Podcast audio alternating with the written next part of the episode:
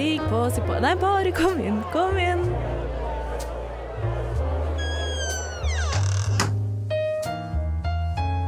Her i lobbyen er det plass til alle sammen. Velkommen til lobbyen på Radio Nova. Hei og velkommen inn til lobbyens lune, vårvarme studentradiostudio. I dag sitter jeg, Robin, her med intet mindre enn tre makkere eh, rundt bordet. Så dette blir en veldig hyggelig sending.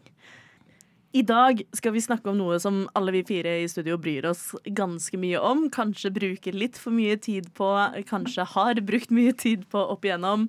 Vi skal nemlig snakke om spill. Og da snakker vi ikke om ludo, yatzy og uh, stigespillet. Vi kunne gjort det også, men vi skal snakke om videospill. Er det det man kaller det? Dataspill? Kan jeg bare si at da har jeg misforstått hva denne sendingen skal handle om. Men, uh, vi, ja, Emilie hadde tenkt å snakke i hvert fall i tre kvarter om vriotter. Ja, om uh, skeiv representasjon i vriotter. Nemlig, for vi skal snakke om skeiv representasjon i dessverre ikke vriotter, men i video- og dataspill. Derfor har vi også med oss Stian fra Snålt, snop og spill. Hei, glede å være her. Veldig hyggelig å få deg med. Det er jo viktig i en redaksjon som Lobbyen at vi med jevne mellomrom får inn en streit hvit cis-mann. som kan holde oss litt sånn Gi oss litt bakkekontakt. Ja, jeg skal gjøre mitt beste. Veldig godt å høre. Som vi pleier å gjøre, så tenker jeg at vi starter opp med en liten introduksjon av oss selv. Jeg vil vite navn, pronomen, hvordan skeiv du er, hvor du er fra, og kanskje litt hva du driver med. Og jeg tenker å høre med deg først, Emilie. Hvem er du? Jeg heter Emilie. Jeg er 26. Jeg er altfor mye forskjellig. Hovedsakelig transkvinne. Eh, la oss holde oss til det. Mm -hmm. jeg skal skrive en masteroppgave om eh, norsk eh, transhistorie, så jeg står for mye av den faglige tyngden her, på, her, her, i lobbyen. Veldig bra. Hvor er du fra? Eh, Tønsberg. Hva er pronomenene dine? Å oh, ja, hun, henne. Og hva er favorittspillet ditt? Fort, oh, fort. Oh, Dark Souls. Blood, Bloodborne. Bloodborne. Bloodborne. OK, veldig bra. Andro, hvem er du? Hei sann, jeg heter Lilly Andro. Jeg bruker mest bare Andro. Jeg er ikke-binær. Jeg bruker de dem-pronomen. Liker de jeg liker. Ja, tar med en sidequest med noen menn innimellom, men mainquest er damer og ikke-binære folk. Veldig bra. Ja. Fra Kristiansand og er DJ og psykologistudent. Hva er ditt favorittspill, hvis du må si det på strak arm? Civilization 5. Oi, vel, oh, veldig bra. Stian, ja. hvem er du? Jeg er Stian. Uh, bruker han og, om du er veldig god på grammatikk, ham-pronomen. Uh, ja, veldig fint. Uh, 20, oh, hva er jeg blitt nå? 23 år. Og som du nevnte, hetero. Ja. ja. kondolerer. Jo, takk. Hvor er du fra? Jeg er fra Nittedal. Så spennende er det. Hva gjør du når du ikke lager radio? Da uh, driver jeg med stemmeskuespill og uh, like mye som butikkhandel. Oi, oi, oi, oi. Og på strak arm, hva er ditt favorittspill? Oh, Bioshock Infinite. Bioshock Infinite. Veldig, veldig fint. Jeg heter Robin. Jeg er fremdeles 29 år gammel, ikke-binær, bruker hen-pronomen. Er pan, eller litt sånn som Lilly tar uh, hender Jeg kan ta en sidequest med et mannfolk, men det går mye damer og ikke-binære for tida. Uh, ellers er jeg fra Oslo, og mitt favorittspill på strak arm Veldig vanskelig, men jeg tror det må være eh, Pokémon Fire Red. Eh, gjerne en litt sånn dårlig simulator på datamaskinen. Jeg så ikke den komme, men jeg støtter det veldig. ja, takk. Det var ikke det jeg trodde jeg kom til å si, men det var det jeg sa. du lytter til Radio Nova. I dag skal vi snakke om skeiv representasjon i gaming. Og det er jo ikke til å stikke under en stol at skeiv representasjon i gaming det har jo skutt litt i været de siste åra. Vi syns jo det er generelt veldig fint. Men det er også viktig å huske på at det er ikke så nytt som mange skal ha det til. Faktisk var verdens første verdensmester i et dataspill var en transkvinne som vant en turnering i Space Invaders så tidlig som 1980. Det var riktignok før hun kom ut. Nå er hun ute og også jobber som eh, spilldesigner og programmerer og heter Rebecca Ann Heinman. Så eh, for de som mener at eh, OG Gamers ikke er skeive, så får de ta og åpne historiebøkene og sjekke én gang til. Men det er interessant med gaming, og særlig representasjon i gaming. Det er eh, gjort mye forskning på det. Eh, Blant annet så har man blitt kjent med at unge hjerner, særlig hjerner som er under alderen av 25, sliter med å skille eh, reelle opplevde opplevelser med opplevelser de kanskje har sett på film, lest i bøker eller spilt i spill. Det betyr også at kids som spiller mye, kanskje føler at de har levd litt mer enn kids som spiller mindre. Og kids som da spiller spill med skeiv representasjon, har kanskje, kanskje en opplevelse av at det er mer vanlig, mer en del av livets gang, enn folk som ikke spiller så mye spill. Det er også en eh, effekt som kalles eh, Proteus-effekten, som er oppkalt etter en gresk gud som var hamskifter. Eh, Som eh, har blitt forsket litt på i de siste åra. Som viser at folk som spiller spill, ofte velger karakterer som resonnerer med dem, men også kan endre hvordan de eh, oppfører seg i virkeligheten og i hverdagslivet ut ifra karakterene de spiller. Enten om de spiller en høy karakter og får bedre selvtillit eh, både in game og out of game, eller om de kanskje farger håret samme farge som yndlingskarakteren sin, begynner å kle seg mer som yndlingskarakteren sin, får kanskje en tatovering eh, som ligner tatoveringene til eh, yndlingskarakteren. Det har vist seg at dette er en reell ting som skjer. Og som kanskje også da er en god grunn til at det kan være fint å finne sin likemann eller likekvinne eller likeperson i gaming når du eh, velger å spille spill. Min aller siste faktadump Nå er jeg snart ferdig er jeg snart ferdig med å faktadumpe. Min aller siste faktadump er at i dag, uh, i den siste undersøkelsen gjort av uh, The UK Games Industry Census i 2022, så er faktisk hele 21% av alle ansatte i spillindustrien under LHBTQ-paraplyen. Uh, Så det begynner å bli en god andel. Eh, En femtedel, faktisk. Mer enn en femtedel som er skeive i spillindustrien.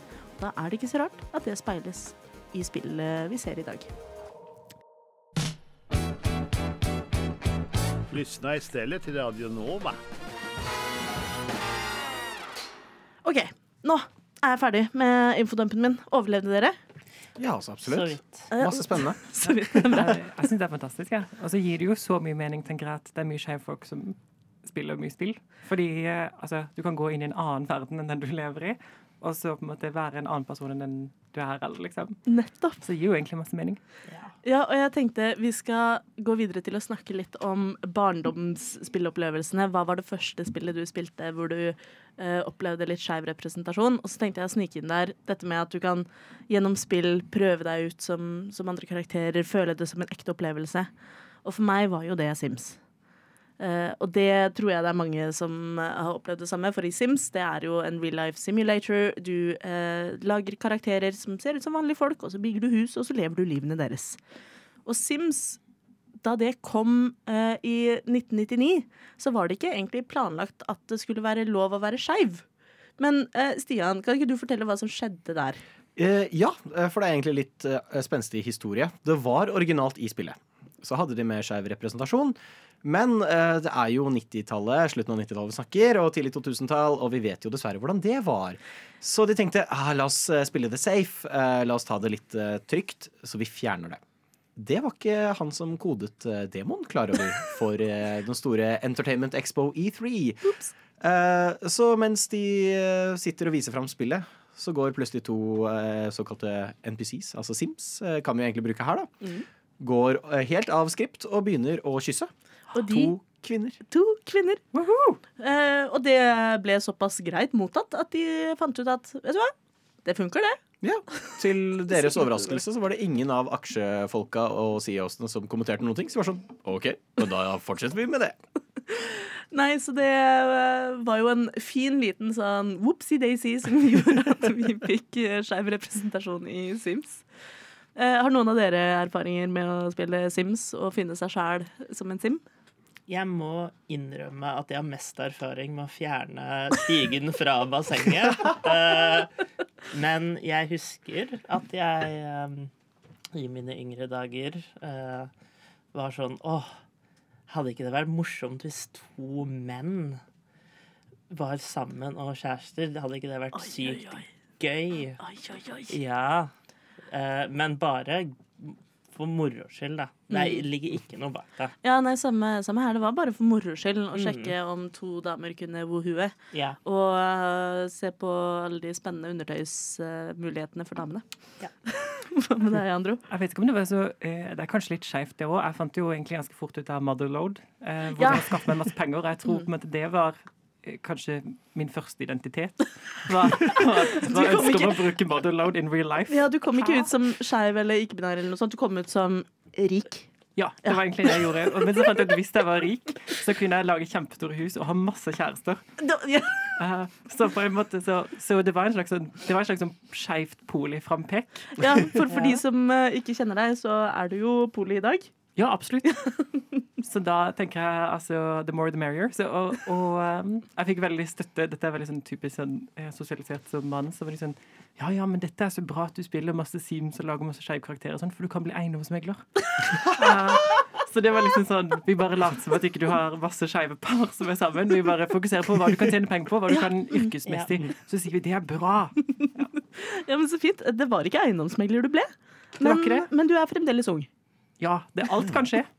Hva med deg, Sian? Hva er dine erfaringer med Sims? Jeg var redd jeg skulle få spørsmålet, for jeg, eh, jeg har drevet mye med golddigging i Sims. Men jeg liker å tro det ikke reflekterer eh, meg som person.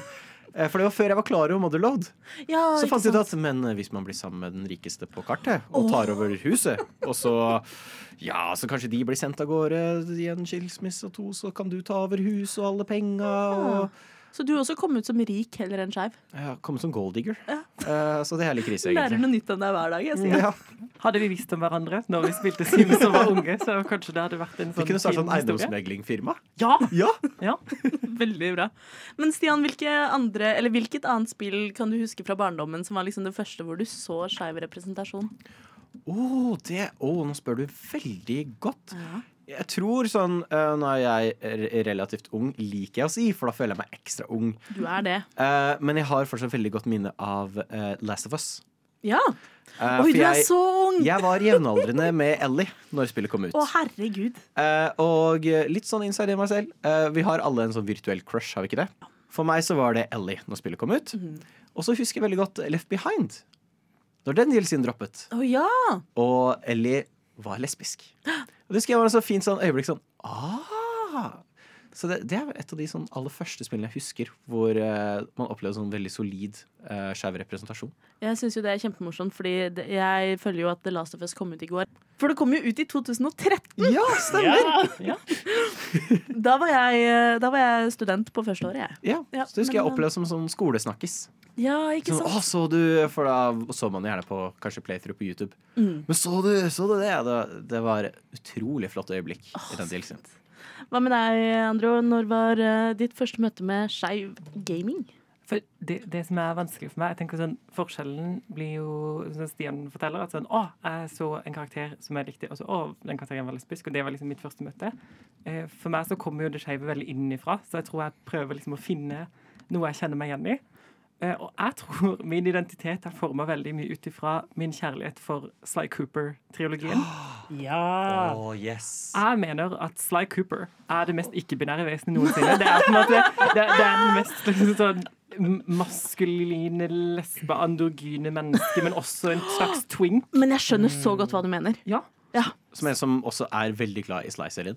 Jeg Ja. støtter dette her veldig. Og min sexual awakening. Jeg vil bare si det. Altså, sønnen min, sier altså, Nila og Carmelita Fox. Ja. Oh my fuck. Altså, Oh still to this God. day, I, I would fold.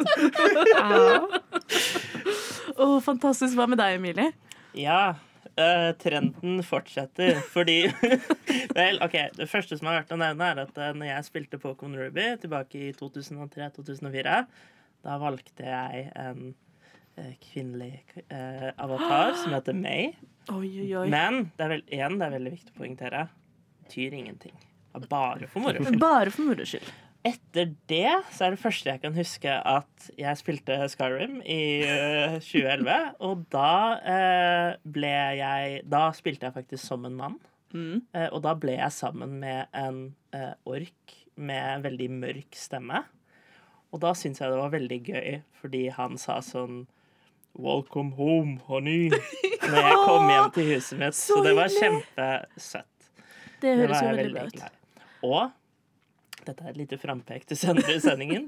For da skal jeg snakke om et uh, siste spill som var veldig viktig. Ja. Skeiv representasjon. Uh, før du gjør det, så vil jeg også skyte inn at uh, Pokémon var nok For jeg har også slitt litt med sånn, ok, hvor var min første skeive representasjon. Men jeg fikk mitt første Pokémon-spill til uh, Gameboy Color da jeg var jeg tror jeg var fire eller fem år gammel. Og spilte gutt fra, fra starten. Jeg har alltid gjort det når jeg spiller eh, Pokémon. Uh, Pokémon Go også har sånn maskulin karakter. De heter vel ikke sånn are you, are you a girl or are you a boy? Men jeg husker at allerede da så satt, satt den liksom sånn det, det spørsmålet satte sine spor. Og selv den dag i dag så kan jeg ikke svare annet enn nei. I am not a girl or a boy. If I knew you were coming, I'd have baked a cake, hired a band. Goodness sake, if I knew you were coming, I'd have baked a cake. How'd you do, how'd you do, how'd you do? Enten du kommer inn, kommer ut eller bare kommer, er du alltid velkommen inn i lobbyen på Radio Nova. Men vi skal eh, videre eh, gi alle litt taletid, fant vi vel ut var den, var den beste måten å angripe dette på. For vi har alle mye tanker om skeiv representasjon i spill. Så slik vi gjør det i eh, minuttene fremover, så skal alle få sitt eget lille stikk til å løfte fram de spillene de har lyst til å gi litt sånn eh, time in the spotlight. Og da tenker jeg at vi rett og slett bare begynner med deg, Emilie. Ja. Eh, som eh, jeg refererte til tidligere, så var det ett spill som var veldig viktig for meg når jeg var yngre. Skeiv representasjon i spill, og det var spillet som heter Gone Home. Ja, fortell Ja. hva er Gone Home for slags spill? Gone Home er et spill i den eh, Ja. Sjangeren har et litt nedsettende navn, men det betegnes vel som et walking simulator-spill. Det er jo bare nedsettende fordi folk i, sånn generelt gir det litt slander. Ja, jeg personlig har er en ikke noe imot å jeg- spille et sånn type spill. Jeg elsker walking walk-in simulators. Det er så åpenbart sånn gatekeeping-menn. Som er sånn Ja. Nei, spill skal være som Call of Duty. Det der er bare en walking simulator. Det er fordi de vet ikke hvor skummelt det er hvis ikke du er hvit cis-mann og går generelt. Ja. Så Walking Simulator for meg er jo et skrekkspill. Men jo, så det er satt i 1995. Veldig mye herlig 90-tallsnostalgi i det spillet. Oh. Mye kassetter du finner og spiller av musikk av sånn Riot Girl-musikk. Elsker det. Ja. Men jo, jeg burde vel si hva det handler om. Du spiller som en karakter som heter Katie, som kommer hjem til familien eh, din sitt hus, som er et Jeg må bare si altfor stort hus for en familie på fire. Det er veldig amerikansk, da. Ja, er det ikke det? Med altfor store hus. Eh, og eh, du skjønner ingenting fordi du trodde foreldrene dine og søsteren din skulle være der. Så hele spillet går liksom ut på å gå gjennom huset. For det er helt tomt. Det er helt tomt. Ah. Eh, ikke noe folk der. Eh, gå gjennom huset og prøve å finne ut av hva som har skjedd. Og i løpet av Det er jo kjempeskeivt å gå i tomme hus. Ja. Nei, Men fortell, det fortell. kommer mer, hvis du kan tro det. Ja. Um, det som skjer, er at uh, du oppdager brev og bilder og litt forskjellige uh, ting rundt omkring i huset som refererer til at din søster, som heter Samantha, har blitt forelsket i en jente. Som er en kul sånn army brat som heter Lonnie. Oh. De er skikkelig eh, først bare gode venner, farger håret til hverandre, prøver å påkalle sin døde bestefar, sånne ting som det. Eh, men det er bare så søtt. Det er så skjønt. Og det vekka følelser i meg som jeg ikke helt greide å forstå før jeg ble litt eldre. Ja, for det sa ikke du i introduksjonen din. Du sa du er transkvinne, men du er kanskje også litt Lesbisk. Litt lesbisk. ja, men så fint. Eh, hvor langt er dette spillet for de som kunne tenke seg å prøve det? Eh, det er bare en to til tre timers lang opplevelse. Ah, Eh, jeg ville tatt meg god tid, for det er veldig kult å gå rundt og se på alle de forskjellige tingene. Jeg vil også poengtere at eh, det er ikke bare dette som er liksom Dette er ikke bare historien. Det er andre historier òg. Både moren og faren din, og historien til huset er også til stede. Så det er veldig, veldig kult spill. veldig glad i det. Jeg var jo ikke en som spilte så mye spill selv eh, før rundt 2012-14. Var først da jeg begynte å spille mye spill. Var du sånn som så på når andre spilte? Ja, så var jeg sånn. Det tok litt tid før jeg liksom innså hva spill egentlig kunne være. Mm. Eh, og så fikk jeg Gone Home gratis via sånn PlayStation Plus-opplegg. Shit, det gjorde jeg Og også, men jeg hadde å null anelse hva det handla om. Uh, og jeg visste jo at vi skulle snakke om det, så jeg valgte å ikke ta det opp. Men det var en så positivt overraskelse uh, når jeg innså hva plottet var om. Fordi Gone Home er et så utrolig vakkert, nydelig, fin Det er en veldig sånn intim, personlig reise du får være med på. Uh, så støtter veldig Gone Home. Nydelig spill. Ehm, skal jeg, får jeg lov til å snakke om ett spill til? Du får alltid lov til å snakke om ett spill Yes, til, for jeg ok. tror du skal snakke om et spill som Ragnhild i redaksjonen vår også er veldig, veldig Ja, glad i. jeg skal selvfølgelig snakke om Celeste. Ja! Hvorfor det? Fordi Og nå kan du lure. Det er fordi at um, i spillet så ikke supereksplisitt, men det er, ligger mye og ulmer i liksom undertonen og tematikken i spillet at hovedkarakteren, som heter Madeline, er trans. En transkvinne. Eh, mer eksplisitt så handler spillet om at Madeline skal klatre et eh, stort og høyt fjell, Mhm. som eh, eh, kan være et symbol på liksom ja, oppnå sine personlige mål og sånne ting som det. Og så handler det om uh, hvordan hun dealer med sin uh, angst Mhm. og uh, panikkanfall. Og det er veldig kult. De har til og med lagt inn i spillet et lite sånn minigame om hvordan man skal liksom puste. Ja, Det er veldig kult. så fint. Ehm, men ja, så, så er det liksom I hele spillet så er det uh, Skurken er liksom en karakter som er liksom din, ditt speilbilde, da. Din onde versjon, som heter Part of Me. Det er litt sånn Dark Link i Selda også. Ja, Ah. litt sånn Dark Link i Zelda. Og hele spillet handler jo om at uh, du prøver å liksom forsone deg med denne eh, delen av deg selv, og til slutt eh, røpealarm, for å bruke et eh, ord som NRK elsker. Jeg holder meg for ørene. Ja, så eh, gjenforenes du med den delen av deg selv, og så oh. klatrer dere til toppen av fjellet sammen. For de som kunne tenke seg å spille Celeste, hva slags spill er det? Det er en jævlig vanskelig plattformerspill. Eh, Ja, for jeg skulle til å si Det er veldig fint at de har sånn trening i pusteøvelser. Ja, ja, ja. For er det et spill som gir meg helt sånn kaste kontrollene veggimellom, så er det Celeste. Eh, og det en ting som er verdt å nevne, er at eh, i selve spillet så er det bare ett hint til at det har noe som helst med skeivhet eller trans å gjøre, eksplisitt. Og det er helt på slutten av den aller vanskeligste siste delen av spillet. Der er det et lite, bitte lite trans- og skeivtfjell-flagg. Å, så fint! Men i virkeligheten så kom da skaperen av spillet ut som først ikke-binær, og så trans. Og gjett hvilket navn hun valgte. Hun valgte Madeline. Som da er navnet på hovedkarakteren i Celeste. Yes. Oh, we love to see it! Uh, jeg liker også Celeste godt fordi det er et spill som uh, er ganske tydelig på at det er alltid lov å be om hjelp. Så du skal Altså, spillet er laget for at du også gjerne skal spille med den her ekstrahjelp-funksjonen på, som jeg setter pris på. For da jeg først begynte å spille det, så spilte jeg uten sånn ekstrahjelp. Det gikk kjempedårlig. Og nå spiller jeg med sånn ekstrahjelp, og det går kjempedårlig. Men jeg får hjelp. Ja. Eh, Så jeg vet at det også liksom fremmer ja, mental helse og sånn også. Så det er veldig koselig, koselig spill. Fint spill. Jeg begynte jo endelig å spille det i, nå i sommer, eh, som var. For jeg er ikke så flink på plattformspill. Nei, ikke jeg heller, viser det seg. Eh, legendarisk dårlig, om jeg kan bruke det. Eh, men jeg har en venn av meg som har konstant mast. Stian, du må spille Celeste. Ja. Eh, og så gjorde jeg det. Og det var fenomenalt. Det tok meg sånn 1700 uh, deaths før jeg ble ferdig med spillet. Men det er en mestringsfølelse uten like.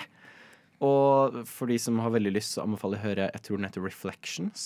En eh, låta inni der. Hvis den blir reversert, eh, så kan du høre Madeline prate til seg selv om alt hun er usikker på rundt seg selv. Jeg tror det også er litt sånn uh, kroppsdysfori som blir tatt opp Ja. i den låta, men da reversert. Påskeegg! Mm. påskeegg. Det er veldig bra vi holder liksom det norske ved like i dette programmet. Jeg kjente at hjernen min bøfra liksom, i sånn to sekunder. Jeg var sånn, Hva ble, sa Robin nå? Easter eggs, påskeegg. Ja, det nærmer seg påske, Robin. Ja. Det gjør det. ja. Nei, men eh, jeg tror eh, vi kan gi ordet videre. Det tenker jeg også. Jeg har lyst til å høre med deg, Stian. Hva er eh, spillene du har lyst til å gi spotlighten Åh, i jeg denne sendinga? har tenkt mye på det. Um, ikke fordi det har vært vanskelig å finne spill, men for det har vært vanskelig å vanne ut til to. Er ikke det et deilig luksusproblem å ha? Ekstremt deilig. Uh, vi har jo referert til en liste på Wikipedia tidligere i dag. Jeg syns det var veldig gøy når de kom til 2010-tallet. Så var det sånn Her er en egen liste for 2010-tallet. Ja. Uh, så var det sånn, yes. Og den var ikke engang komplett. Men har, det første jeg vil ta fram, er eh, kanskje min favoritt-ting som har gjort representasjon. Punktum. Mm. Jeg er veldig glad i hvordan de har gjort det, og det er Horizon-serien. Altså Horizon Zero Dawn og Horizon Forbidden West. Hva er det de har gjort som gjør at de skiller seg ut? De gjør det til en normal. En normalitet. Istedenfor at uh, på en måte, ah, det skal tas som en selvfølge at folk er heterofile. Men det skal vises som en eksepsjon, og nesten sånn Å, dette er en eksepsjon til normalen. Så er det så innbakt i dagliglivet til denne verdenen i Horizon. Et prima eksempel er en du møter under en quest, som prater om at han har lyst til å se en statue som hans tidligere partner lagde. Og da bruker han setningen uh, I would like to see the statue. It was the last thing he made while he was alive. Og det er så mye sånne små innbakte ord som er sånn Å ja, ja! Uh, det, det er karakterer som er Du spiller jo som Aloy, som er kvinne. Du møter flere karakterer som flørter med henne, som også er kvinner. Og det er bare så gjort på en så respektfull og sånn Ja, dette er normalt. Folk er skeive. Det er normalt. Ja, for jeg synes det var interessant at du sa at du ville snakke om Horizon, for jeg har spilt Horizon Zero Dawn, det første spillet, og jeg satt og var sånn Men er det, er det skeiv representasjon i Horizon? Men det er nettopp fordi de har gjort det akkurat på den måten du sier, at det er liksom så bare Det er bare helt, helt vanlig. Er, Helt vanlig del av hverdagen. det er ikke noe å heve et øyenbryn over. Forbidden West har en uh, transkarakter du møter, som er uh, transkvinne. I eh, en stamme som kalles Tenakth, hvor alt handler om styrke og sånt. Og der er dette en sidequest om en helt annen person, som er ansett som litt svak og sånt. Uh, og så følger du han for å hjelpe han med å oppnå noe greier. Og da eh, nevner hun at liksom, ja, folk ler av han People also laughed at me when I chose to wear female armor. Eh, og det er bare sånn én setning. Ah.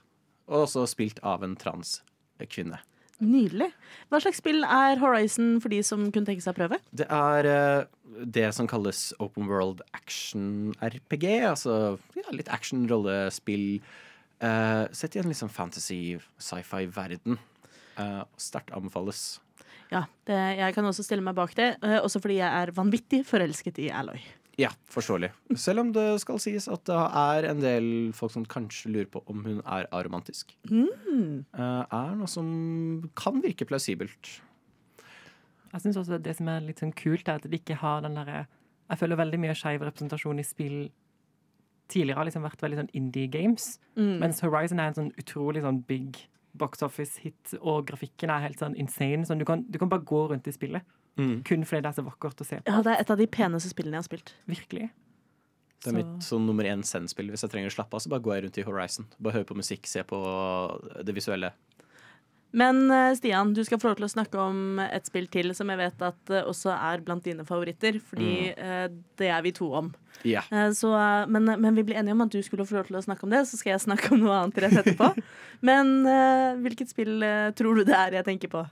Det er, det er jo Life is Strange. Life is strange. Uh, jeg vet nesten ikke hvor jeg skal begynne med Life is Strange. Uh, det er uh. Du kan begynne med, Hva slags spill er Life is strange? Life is Strange er eh, et spill hvor du eh, Vi kan vel kalle det sånn velg din egen eh, eventyr. eh, choose your own adventure-stil. Det var vanskelig å oversette. Jo, men det, det syns jeg gikk veldig bra. Um, hvor du får være med på en historie, og du får gjøre dialogvalg og generelt andre valg som påvirker hvor denne historien ender opp. Og en del av denne historien er jo selvfølgelig um, Max, som er hovedkarakteren. Som møter opp med sin eh, bestevenn, tidligere bestevenn Chloé, som, eh, som savner kjæresten sin, som har forsvunnet. Rachel Amber. Og etter, etter hvert som den historien går, så begynner det kanskje å dukke opp litt mer eh, rundt eh, da Max og eh, Chloé Price, hennes beste venninne. Eller er- kanskje noe mer? Jeg er så forelsket i Chloé Price at det gjør vondt i kroppen. Eh, det fins jo en egen prequel også. Ja. hvor man blir bedre kjent med Chloé og Rachel sin relasjon òg. Mm. Som også er Den er veldig bra, men Dontnod det er noe magisk med hvordan de uh, klarer å skrive karakterer. Uh, Max er jo også veldig spesiell for meg. Som en av de første gangene jeg har følt meg representert godt i en karakter, som en ikke så veldig maskulin mann. Mhm. Eh, så føltes det veldig fantastisk ut med Max, som jeg syns er skrevet fenomenalt godt. Hun er ikke det mest populære, kuleste, badasse personen i verden. Hun er bare sånn helt midt på treet. Uh, hvor til å begynne? Men for meg så har det vært en sånn fantastisk karakter. Og så går det enda videre for mange andre å kunne bli så godt representert i dette. Jeg vet mange på en måte har kjent seg igjen i på en måte Max sin awakening når hun innser. Så Life is Strange, hvor, hvor skal man starte? Hvor skal man starte? Det kan jo også nevnes at Life is Strange har flere iterasjoner, som mange spill har. Mm. Eh, og i både Life is Strange 2 og Life is Strange True Colors så får hovedkarakteren lov til å velge hvem de skal følge opp relasjoner til. Så du har alltid muligheten til å go gay Ja. Og i tillegg til å velge, så er det jo andre sidekarakterer som også er homofile. Mm. Og kjønnsskeive dukker opp også. Så det er fenomenale spill. Anbefaler, anbefaler du Life is Strange? Åh, Én og to? Ja, ja, ja. Absolutt. Veldig bra. Stille om, om uh, True Colors. Ja, la oss være litt det. okay. Nordmenn er engasjert ungdom og livserfarne gamle.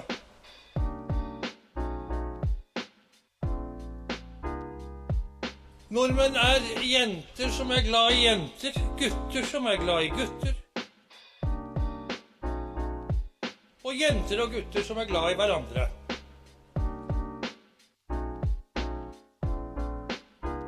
Velkommen til lobbyen på Radio Nova. Robin, Ja, hva er egentlig dine favorittspill med skeiv representasjon? det er godt du spør, Stian. Jo, tilfeldig. Eh, ja, helt tilfeldig. Nei, du var jo så vidt inne på et spill i stad som eh, vi må gi litt mer tid. Og det er flere grunner til at vi må gi det mer tid. Blant annet fordi det nettopp har eh, fått og akkurat avsluttet en TV-serie på HBO.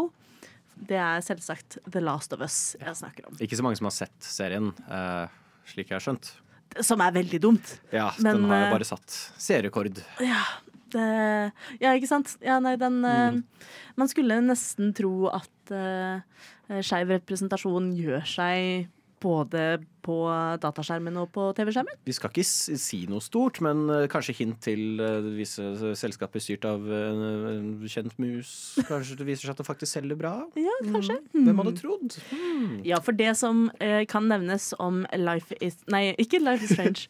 det som kan nevnes om The Last of Us, er jo at vi følger Ellie og Joel i hvert fall The Last of Us 1. Eh, som befinner seg i en zombieapokalypse. Det er mye kaos, det er mye zombier, det er mye banditter og en og annen kannibal og litt den type ting. Men vi får lov til å følge Ellie og Joel sin reise gjennom dette apokalyptiske denne apokalyptiske verden, rett og slett. Eh, og sakte, men sikkert bli kjent med disse to.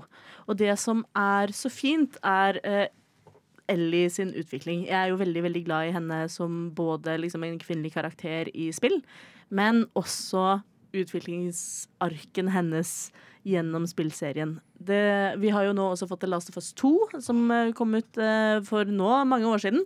Men der er det Ellie som spiller hovedkarakteren. Og Ellie er jo skeiv. Ganske usjenert skeiv. Ganske liksom sånn Det gjøres ikke noe big deal ut av det der heller, som jeg også setter veldig stor pris på. Jeg skal jo ærlig innrømme at jeg ikke spilt ferdig The Last of Us 2 ennå. Jeg har bare kommet et lite stykke. Men det har allerede vært en helt fantastisk fin forelskelsesscene, eller ikke sånn forelskelse, men flørtescene mellom Ellie og en annen jente, eh, hvor det er litt krangling, for å, de kyssa på fylla, og hva betyr det egentlig? Og så drar de ut på patrol sammen, og så eh, røyker de en joint, og så blir det litt uh, flørting og klining, og det er litt sånn Det er litt kleint, men det er veldig fint, og det, er, det føles så ekte. Og jeg syns den representasjonen av å være ung voksen og liksom eksperimentere litt med seksualitet, men også den følelsen av å være sånn Å, men kan jeg, kan jeg flørte med deg? Går det liksom den her eh, gay panic som vi snakker om i lobbyen med gjennom mellomrom? Sånn, er dette inne? Liker du meg også? Det føltes så utrolig godt å se det på skjermen. Uh, så jeg gleder meg til å fortsette å spille The Last of Us 2. Jeg skulle til å si det, som en som har spilt gjennom Last of Us 2 eh, rekke ganger. Mm. Bare gled deg videre. Ja, jeg gleder meg masse! Og er det lov å komme med en liten sånn uh, røpevarsel, var det det det ble kalt? Ja, for Røpevarsel, røpealarm. Ja. Ja, eh, lov å komme med en liten sånn. Ja. Eh, det er også en eh, transmann som dukker opp eh, senere inn i spillet. Oh, jeg gleder meg Som masse. også spiller en stor rolle. Det blir veldig spennende å se. Eh, man kan jo også legge til at i TV-serien så er skuespilleren Bella Ramsey, som spiller Ellie i HBO-serien, er åpen om å være ikke-binær. Så det også er jævlig kult. Jeg synes også Det som er veldig koselig med The Last of Us for meg, det har litt sånn spesiell betydning, liksom som Stian snakker om Max også, i, um, at jeg hadde en kjæreste tidligere som sleit veldig mye med liksom internalisert homofobi og liksom var veldig sånn selv om måte, vi var sammen og skeive og åpne og sånn, så gikk og hadde mye sånn skam som viste seg på forskjellig vis. Og begynte å spille The Last of Us. Og eh, gjennom liksom playtune av eneren og toeren, så på en måte, nesten hver gang vi la oss, så var det sånn Ja, og så Ellie, og så. Og det er liksom sånn eh, Og liksom snakka litt mer om det, og så etter å ha snakka om Ellie i en evighet, så var det sånn Ja, og jeg har også følt meg litt sånn og sånn, sånn, sånn. sånn. Og, eh, og det var skikkelig sånn kult å se at i løpet av liksom, å ha spilt gjennom begge spillene, så hadde hun et så mye bedre forhold til sin egen seksualitet, og liksom vokste masse på det. Og det er sånn utrolig sterkt å se hvordan ja, noen som har gått rundt med skam og sånn, møter en karakter, ser seg liksom kjenne seg igjen, og også få liksom lov til å ha det øyeblikket alene, og så vokse masse på det. Det var veldig kult. Man skulle nesten tro at representasjon spilte en rolle. Ja. Var litt avgjørende. Eh, jeg skal snakke om ett spill til.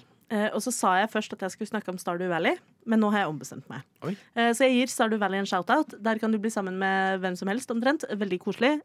Anbefales varmt. Jeg har spilt altfor mange timer av det. Men jeg har lyst til å gi en shout-out til Dragon Age-serien og Dragon Age Inquisition, som er min favoritt. Dette er også et open world RPG til en til en viss ekstent, altså til, til en viss grad. Men uh, du løper rundt. Det er veldig uh, fantasy-inspirert. Du kan spille ulike raser, enten om du er en alv eller en dverg eller en knari, som er mine favoritter, som er sånne svære folk med horn. Um, men der også så har BioWare, som har utviklet spillet, uh, har veldig ofte muligheten for at karakteren din kan romance andre, kar- andre karakterer. Altså at du kan flørte med folk og få forhold til andre karakterer i spillet. Og i Dragon Age Inquisition, som er det Dragon Age-spillet hvor jeg har lagt inn mest timer, så eh, har de noen helt fantastiske dynamikker mellom din karakter og andre karakterer eh, som du kan interagere med. Det som også er fascinerende med hvordan BioWare har valgt å gjøre det, er at du ikke kan romantisere hvem som helst. Der har karakterene sine egne seksualiteter som du må respektere. Og dette går igjen både i Dragon Age og i Mass Effect, som også er utviklet av samme selskap. Hvor du kanskje går og tenker at åh, jeg eh, spiller en eh, mannealv, og jeg har kjempelyst til å legge han på Cullen, som er sjefen over The Templars, og han er veldig søt og blond og litt sånn himbo-vibes. Men så kommer det fram, når dere har eh, pratet lenge nok, og du har sagt hmm, Do you wanna maybe my place or yours? eh, At nei, han er heterofil, så det får du ikke lov til. Mens eh, hvis du gjør det samme med Iron Bull, som er en stor canary som slåss med sverd og uh, er dritkul, så sier han yes, baby. Jeg elsker det. Så, og ikke bare det, men karakterene får også relasjoner seg imellom. Så Iron Bull, hvis du ikke romancer ham, eller Dorian, som også er en homofil mann, Iron Bull, panfil, eh, Dorian, homo. Eh, hvis du ikke romancer noen av dem, så blir de kjærester. Jeg ble mektig imponert når jeg spilte Mass Effect Ja. for første gang. Mm. Eh, og jeg liksom var sånn Hun, hun skal jeg eh, flørte med, og sånn. og så kommer vi til det punktet hvor du også kan spørre ut, liksom. Nei, hun var lesbisk. Ja. Og sånn ah, For jeg tar det som en selvfølge i den type spill at liksom de som har lagd det, bare satt alle til. ambisi... Ja, de, de, de dater hvem som helst. Mm. Ferdig, ferdig for dagen, klapp henda, ha det bra. Som, play, som player character skal du liksom få et fruktfat å velge Ja, fra. at jeg bare satt på liksom date alle. Ja.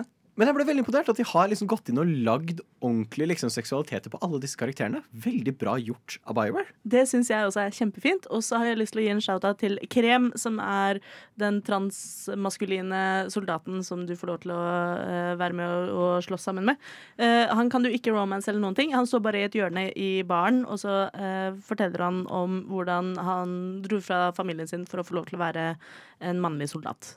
Eh, så det også veldig, veldig fint. Veldig glad i både The Last of Us og eh, Dragon Age og Mass Effect også, da. Kan jeg slenge med. Andro. Hallo. Hallo. Hvilke spill er det du vil gi sceneplass i dag? Jeg har lyst til å gi eh, sceneplass til noen spill som ikke får det helt til, men så får det litt til allikevel.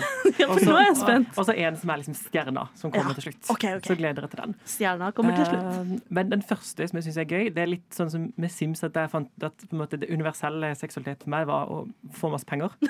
Eh, så, så har du Borderlands, som er, oh! som er Hvis du elsker å lute, Ja. skyte masse ting oh. og gå crazy, eh, så er du velkommen. Og de villeste våpnene i manns minne. De villeste våpnene. Jeg føler på en måte også at alle de våpnene er en, Jeg tror det er one billion guns i Borderlands 3. Og, og det sier noe om sånn De støtter litt sånn indirekte kjønnsspekteret, er sånn, du kan være alle typer guns, og karakterene er litt sånn De er så ekstreme, alle Mm. sammen, at de er litt sånn eh, Det er litt den derre hvis du, hvis du fornærmer alle litt med å gjøre alle til satire. Så funker det litt. Så en måte, jeg syns det er helt greit det å være en stereotyp så lenge alle er liksom stereotyper som er skrudd opp til 1000, og det er kjempekomisk. Mm. Uh, og på Borderlands 3 så har de det er liksom, man er fire sånne Vault Hunters, da, som er liksom de karakterene du kan velge. Og der er Casually bare en av de uh, ikke-binær. Ja. Og de bare bruker they them-pronomen gjennom hele spillet. Eh, Er- er uten det- at de er mentioned på noen måte. Er det hen som er sånn stealthy all black zero eller noe sånt noe? Eh, det er sånn, en sånn all black eh, med masse sånn Som kan summone masse sånne dyr som kan gå og drepe andre. Ikke den flak. beste spillbare karakteren i Borderlands 3. ja, hvis du skal spille solo, så er, må du spille flak. Ja, ja. Så eh, absolutt, det, det er en støtte. Eh, et annet spill som ikke nødvendigvis handler om å lute så veldig mye, men hvis du er glad i å drepe orker eh, mens du flyr rundt som en ballerina Hva er din seksualitet? Nei, orkedreper. Ja, men det er, det er min sånn sen, det er mitt zen-spill. Blir, Da- da er- blir det det motsatte av Emilie, som har orke... eh, Orkekjæreste, mann som ja. venter hjemme. Ja, jeg har orkkjæreste som bare blir decapitated left and right. og, og det er en storyline som er basert Det heter Shadow of Mordor. Basert Ja. på en syltynn storyline av noen sånn Lord of the Rings references. Det er ikke spesielt mye, men det er et veldig bra system for orker som dreper deg, som øker i, øker i sånn uh, rank. Så de blir liksom generaler og sånn av det. Så du får masse revenge histories. Og eh, det er et veldig bra combat system. Men hvordan er dette skeivt? Det, det, det som er greit, det er skeivt accidentally. Fordi de er så dårlige på representasjon at de har lagd seks forskjellige skins som du kan velge når du har kommet gjennom spillet.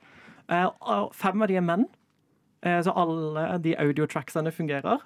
Den kvinnelige karakteren la de bare liksom på på slutten.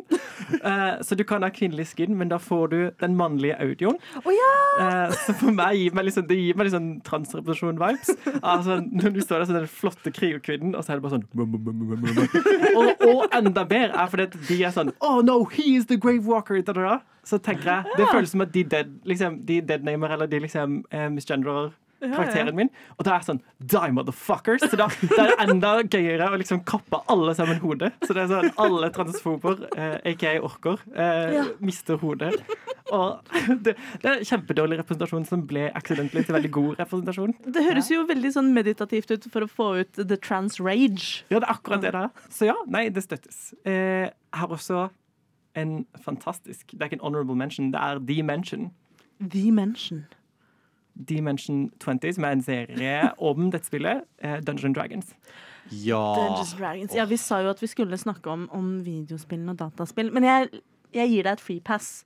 Dungeons For- Dragons har gitt ut mye dataspill. Og det fins en Roll20 på nettet, så du kan spille Dungeon Dragons online. Det er sant. Og man skal jo ikke uh, undergrave det faktum at Dungeons Dragons-spillsystemet har jo skapt grunnlaget for nesten alle fantasyspill vi kjenner til i dag. Absolutt. Så fortell litt mer. Hva er Dungeons Dragons? Dungeons Dragons er et, um, en tabletop RPG Uh, altså der man rollespiller. Uh, man har smått en dungeon master som leder liksom historien. Uh, og så kan man komme inn med forskjellige karakterer, eh, som da er liksom rollespillerne. Eh, som da har med seg karakterer de har skrevet sjøl, som har forskjellige liksom, stats og sånn, som former liksom hvilke evner de har. Eh, og da kan man jo Der er det helt fritt vilt. Man kan velge mellom liksom forskjellige raser og klasser og sånne ting ut ifra hvis du spiller det helt klassiske spillet. Men du kan også lage din helt egen historie med helt egne systemer. Uh, så det er på en måte litt sånn Vi har snakka om alle disse spillene som har storylines som er skeiv representasjon, eller sånn der vi kan kjenne oss igjen. Mens med Dungeon Dragons så har du mulighet til å lage en storyline. Det er jo helt sånn demokratisert, så der kan man både lage sin egen historie, eh, utforske ting. Man kan lage karakterer som kanskje er noe du har behov for sjøl, men du kanskje ikke tør å si helt enda. Jeg føler så mange Dungeon Dragons-spillere som jeg har spilt med, er sånn Å, jeg har bare spilt denne karakteren, og så er det sånn to år etterpå så kommer du ut som trans. Eller sånn, det, er på en måte sånn, det, er, eh, det er det å kunne utforske historier fritt, da. Jeg føler jeg har lest mange sånne historier eh, på nett og sånt om folk som har kommet ut på grunn av, eller takket være eh, Dungeons Dragons. For er sånn, de har spilt det, kanskje valgt en eh, karakter i annet eh, kjønn enn dem, og så er det sånn idet de spiller Oh, ah. Brikkene faller på plass. Ja, altså, du, preaching to the choir. Du snakker jo med en som ja, Han har spilt Dungeons and Dragons i jeg tror ti år, tolv, noe sånt nå. Stor fan. Eh, velger også i dette øyeblikket å gi en liten shout-out til Eventyrtimen på Radio Nova, som også spiller Dungeons and Dragons på radio, hvis du er nysgjerrig på å høre det in action. Eh, der også har jeg vært med. Jeg er ikke med nå lenger, men da spilte jeg jo en ikke-binær karakter. Som lå litt med hvem som helst. Spilte bare det, da. Jeg synes også det er liksom gøy, for jeg har, sånn, jeg, jeg har spilt, jeg spilte sånn superfeminine rogues som bare kunne drepe alt og alle. Hadde veldig sånn sinneproblemer. Det var liksom min første karakter. Og så eh, kom, kom jeg ut, og så transitiona, og så kom, spilte jeg en sånn kjempesint himbo. eh, som, han hadde en sånn jernstang gjennom hodet. Eh, som gjorde at han ikke hadde tilgang på noen triste følelser. Han var kun kjempeblid, eller så vrei han på den stanga for å gå into a rage. Å, herregud, som gjorde at han ble kjempesint, og eh, da var han en supergod eh, fighter. Eh, og så eh, Nå eh, har jeg spilt en sånn eh, litt sånn kjønnsløs fire elemental. Åh, veldig bra. eh, som bare svever rundt og setter accidental ting on fire, men it's kind of cute. Wow. Veldig, veldig bra. Ja. Da ønsker jeg å si tusen takk for uh, alle deres spillanbefalinger. Jeg tror uh, lobbyen får poste en liten liste Ja, over eh, hva vi har anbefalt av skeiv representasjon i spill. What's your drink of choice? A Negroni. I was going to say the same thing. Yeah. Magliato. Lobbyen. Oh, stunning. Yeah. Tida går fort når man har det gøy og snakker om spill. Jeg tror, Stian, at eh, vi må få besøk fra Snålt snop og spill eh, på et senere tidspunkt òg, for her tror jeg vi kunne snakket i timevis. Jeg tror det er flere av oss måtte nedprioritere flere spill vi hadde lyst til å snakke om. Eh, jeg vet at blant annet Birdo fra Nintendo ikke fikk Ja. sin fortjente shout-out. Veldig trist. Hvorfor skulle Birdo fått en shout-out, Emilie? Fordi hun er trans. Veldig, veldig bra! Det, du oppsummerte hele episoden. Jeg prøvde å holde det kort. Jeg syns det var perfekt, jeg. Men OK, men hvor tror vi gaming er på vei når det kommer til representasjon? Da velger jeg å spørre deg først, Stian, for du er liksom eh, Du er vår fagperson eh, i panelet. Jeg tror vi uh, Det er vanskelig å putte ut det spillet som har på en måte vist at uh, det her funker. Um, fordi det er jo alltid den klassiske sånn Å, men det kommer ikke til å selge bra hvis vi gjør det, og bla, bla, bla. Uh, og det kan hende det er Last of Us som viste det. Og da er det veldig lett å se PlayStation gi ut masse spill. Full av representasjon, og de har til og med putta mye penger inn i London Pride flere ganger. Eh, og det virker som at vi ser bare en stigende, stigende mengde med skeiv representasjon i spill. Som du nevnte, over en femtedel av de som lager spill, er skeive. Det reflekteres åpenbart i hva som kommer ut. Og vi ser jo flere og flere spill også legger til ikke-binære valg. Uh, det er ikke lenger Are you a boy or a girl når du starter opp flere spill nå. Da er det mer sånn Velg deg. Ja. Velg en kropp. Det syns jeg også er veldig fint. Eh, og så uh, syns jeg jo det kan være greit å nevne at uh, The Sims, da de kom med den uh, kodeblommerten sin hvor han utvikleren ikke hadde fått beskjed om at de ikke var med, uh, så var jo det også en homofil utvikler. Ja. Så det er noe med at jo flere som jobber i bransjen, desto mer ser man kanskje bli publisert. Så absolutt. Hva med deg, Emilie? Hvor tror du spillverden går? Går det riktig vei? Jeg syns flere spill skal gjøre som uh, Cyberpunk uh, 2077. Du kan være en jente med en svær tiss. Men mitt seriøse svar er at uh, det er veldig mange spill der ute som tar for seg body horror. Ja! Som uh, implisitt kan handle om eh, transopplevelsen. Og det jeg kanskje skulle ønske i fremtiden, var at noen av de spillene handla kanskje mer eksplisitt om en transopplevelse. Ikke sant? Veldig mange bra indiespill utvikla av transpersoner som handler om denne tematikken.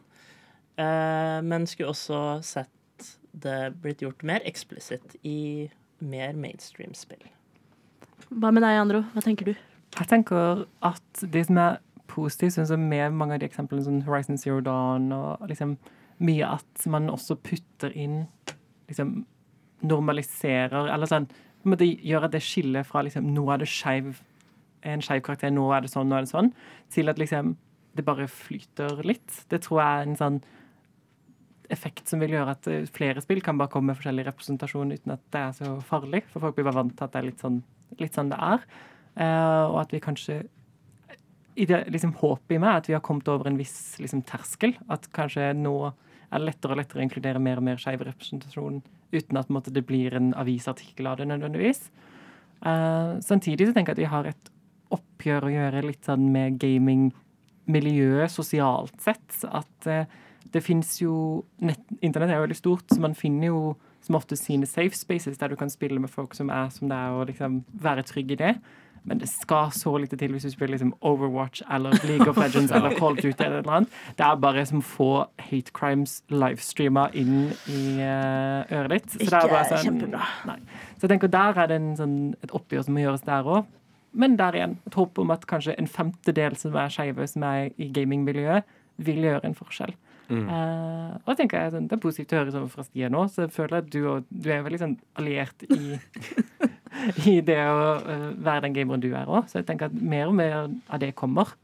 Eh, jeg syns ofte gamingmiljøet har vært har gitt veldig mye rom. Det er litt sånn, ja ja, men Hvis du liker å spille et spill, så er det ikke så nøye hvem du er. på en måte. Mm. Eh, så det er liksom kardemommmelov at så lenge du gamer og er grei og snill, så kan du gjøre litt eh, hva du vil. Og, det, og du trenger ikke alltid å ha face-kamera liksom, eller sånn. Du kan bare være en stemme og deg sjøl. Så eh, Det er veldig, veldig sant. Eh, jeg tenker at eh, Da vil jeg avslutte med eh, et tips til de av dere som sitter hjemme og gamer og kanskje har lyst til et trygt gaming-space med andre skeive som spiller spill. Så fins det en, norsk Discord-kanal som heter Rainbow Glitter. som er åpen for hvem som helst. Har, jeg tror de nå begynner å nærme seg i hvert fall flere hundre, om ikke et par tusen medlemmer. Som er kjempehyggelig gjeng å spille med. Eh, Så det er bare å sjekke, sjekke ut.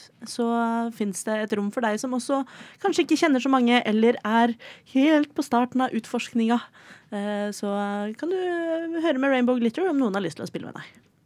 Fenomenalt tips. Ja, det, det, det må med. Og med det så må vi gi studio videre. Eh, Det har vært kjempehyggelig å prate med dere i dag. Eh, Jeg håper at eh, vi får muligheten til å prate mer om spill. Kanskje til og med game sammen hvis anledningen byr seg. Og jeg håper at du som hørte på, har fått en smørgåsliste med spill du har lyst til å prøve. Og med det så sier jeg takk for oss, og ha det bra! Ha det! Ha det bra! Du har nettopp hørt en podkast av Lobbyen på Radio Nova. Er du interessert i å høre mer? Du finner oss på Lobbyen på Facebook eller på Instagram under lobbyen.nova. Der kan du også sende inn spørsmål eller temaer til fremtidige episoder. Vi slipper episoder hver mandag og er å finne på lufta på Radio Nova mandager klokken fem.